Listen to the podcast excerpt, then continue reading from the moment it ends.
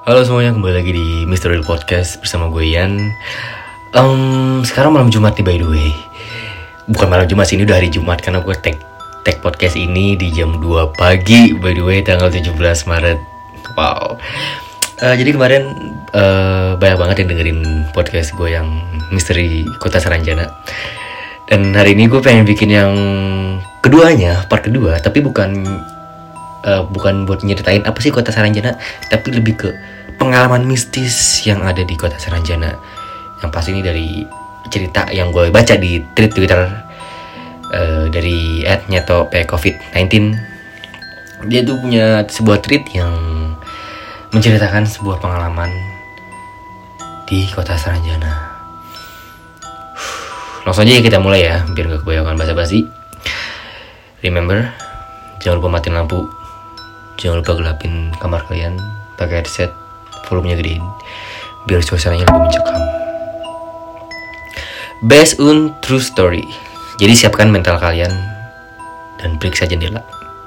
Jangan sampai mereka mengintip dan menemani oke jadi nama dalam kisah ini akan disamarkan. Jadi bila ada kesamaan nama itu hanyalah sebuah kebetulan Bahasa asli yang digunakan adalah bahasa Banjar, namun untuk mempersingkat penulisan, maka uh, saya akan langsung bacakan ke dalam bahasa Indonesia. Saranjana namanya, pulau yang keberadaannya hingga kini masih dipercayai ada namun tak kasat mata. Pulau ini masuk dalam wilayah kota baru Provinsi Kalimantan Selatan. Jejak-jejak misteriusnya terasa oleh penduduk sekitar. Namun, belum. Namun belum kisah ini saya tulis saya sudah merasakan getaran getaran mistisnya. Oke. Malam itu hujan lebat. Beserta petir tak kunjung berhenti di sebuah desa di pinggir pantai desa Lontar namanya. Sudah jam 11 waktu Indonesia Tengah. Namun hujan masih terus mengguyur dan sayup-sayup terdengar seseorang masih bencengkrama Seseorang lelaki berumur 45 tahun sedang menenangkan hati istrinya karena persediaan makanan mereka habis. Mereka tak punya apa-apa lagi untuk dimakan keesokan harinya.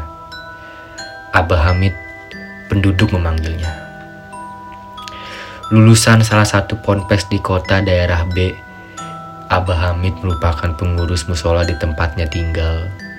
Musola yang sangat sederhana, namun satu-satunya di kampung itu. Mereka terus ber, ber, mereka terus saja bercengkrama. Mereka tak sadar bahwa ada yang mengintai mereka dari luar bilik tempat mereka tinggal. Hujan sudah reda dan hari sudah menjelang subuh. Abah membangunkan istrinya untuk sholat tahajud. Abah keluar rumah untuk berwudu. Sang istri pun menyusul. Si pengintai masih saja mengamati gerak-gerik mereka berdua seakan-akan sedang menunggu mangsanya lengah. Setelah selesai wudhu, mereka berdua masuk dan melaksanakan sholat tahajud. Setelah itu waktu subuh pun tiba. Abah Hamid yang menjadi pengguna musola, pengurus musola, segera beranjak dan bergegas menuju musola untuk azan. Istrinya tetap di rumah. Jarak rumah ke musola tidak terlalu jauh, hanya 70 meter namun harus melewati hutan. Dalam keadaan tanah masih basah bekas hujan semalaman, Abah Hamid berjalan dengan santai. Tak seberapa jauh dari rumah Abah Hamid merasa janggal. Seperti ada yang mengikutinya dan mengawasinya. Dia menengok ke belakang.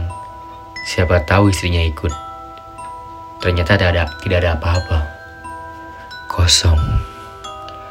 Namun ketika hendak melanjutkan perjalanan dan menghadapkan wajah ke depan lagi, tepat di depan matanya telah berdiri dengan tegak sesosok tinggi besar dan hitam, diiringi oleh bau seperti benda lama yang tersimpan dan berdebu.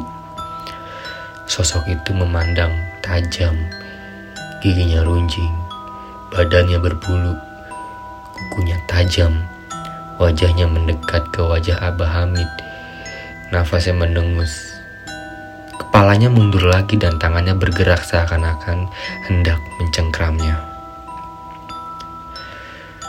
Namun, ketika sekitar satu jengkal lagi, tangan sesosok itu mendarat di tubuh Abah Hamid. Ada keanehan terjadi.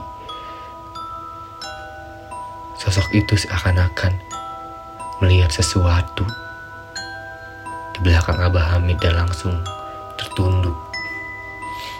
Seperti para pengawal kerajaan yang sedang tunduk ketika sang raja lewat di depannya. Sosok yang tadinya wajahnya sangar dan gahar, kini mirip biskuit yang tercelup ke air. Dia mundur dan mempersilahkan Abah untuk melanjutkan perjalanannya ke musola. Abah Hamid menyempatkan diri menengok apa sebenarnya yang ada di belakangku hingga makhluk itu tunduk. Abah Hamid terheran-heran. Sesampainya di musola, bergegaslah Abah Hamid menunaikan kewajibannya dan setelah selesai, ia langsung pulang. Beberapa langkah dia meninggalkan musola. Ia dipanggil oleh seseorang. Wajahnya tampan dan bajunya putih bersih. Dia menyerahkan sebuah bungkusan yang entah apa isinya dan hanya berpesan, bukanya nanti di rumah saja. Pak Hamid tak mengenal siapa pria itu. Dia bukan salah satu jamaah yang rutin ia temui, namun ia menuruti saja apa yang pria itu suruh. Ia membawa bingkisan itu. Sesampainya di rumah, istrinya masih menunaikan sholat subuh. Ia menunggunya sampai selesai dan menceritakan apa yang ia alami. Bahwa ia bertemu dengan seseorang pria yang tampan dan gagah memberikan bungkusan dan memintanya untuk membungkanya di rumah. Mereka berdua gemetar dan penasaran. Apa sebenarnya isinya? Perlahan Abah Hamid membuka tali pengikat bungkusan putih itu. Dan betapa terkejutnya. Mereka berdua setelah dibuka ternyata isinya adalah sebuah tali dari benang hitam dan beberapa lembar uang. Namun tiba-tiba tali hitam itu sudah berpindah dari dalam bungkusan ke kaki kanan Abah Hamid. Ia berusaha melepaskannya namun gagal. Akhirnya menyerah dan segera menyuruh istrinya untuk pergi ke pasar untuk keperluan makan malam di hari itu. Pak Hamid pun segera pergi ke kebun karet yang ia miliki. Tetapi pukul 10 waktu Indonesia Tengah, Abah Hamid pulang dan berencana untuk sarapan.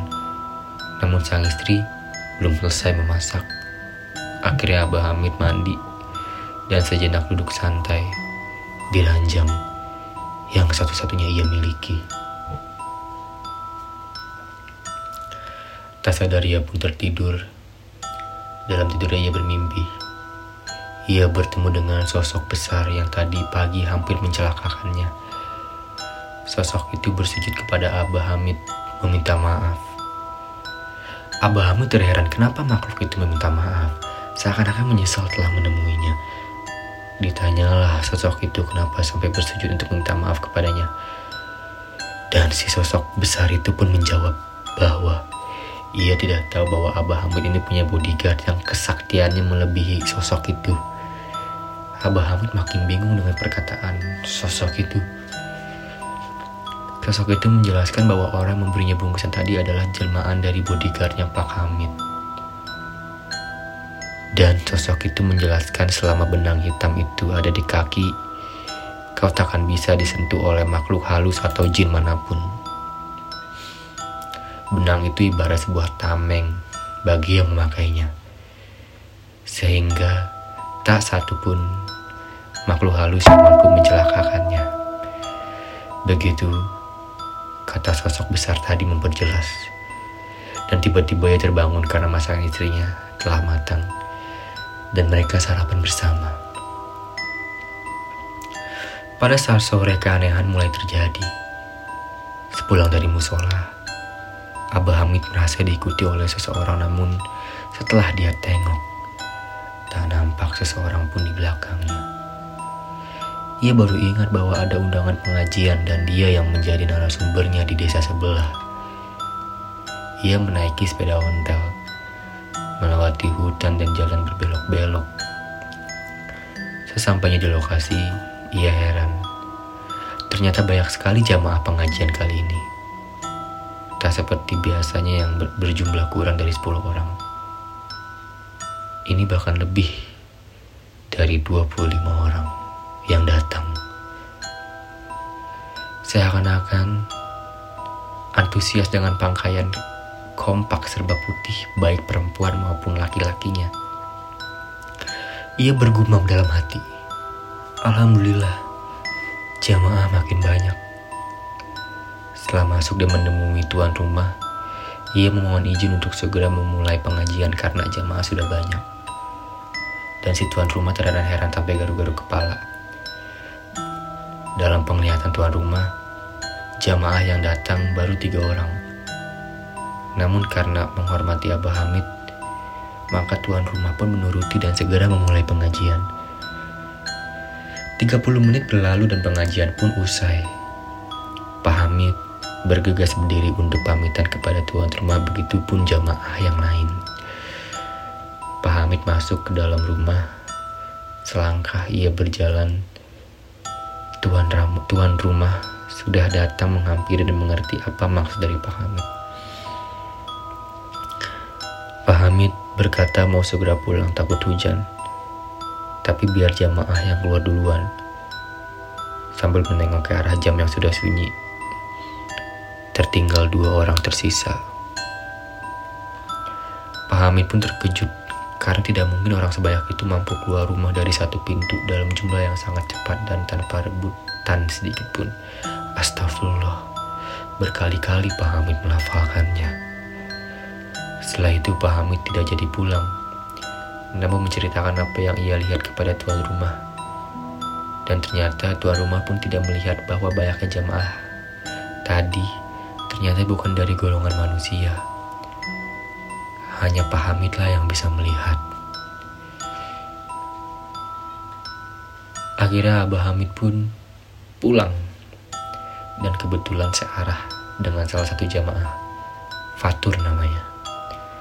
Fatur menuturkan bahwa kakeknya yang seorang paranormal pernah mengalami hal serupa dan itu terjadi berulang kali. Dari kejadian-kejadian yang dialami kakek Fatur, diketahui ciri-ciri orang-orang itu tidak mempunyai garis cengkungan di antara hidung dan bibir. Dan kakek Fatur mengetahui bahwa orang-orang itu adalah orang sebelah, alias penghuni kota Saranjana.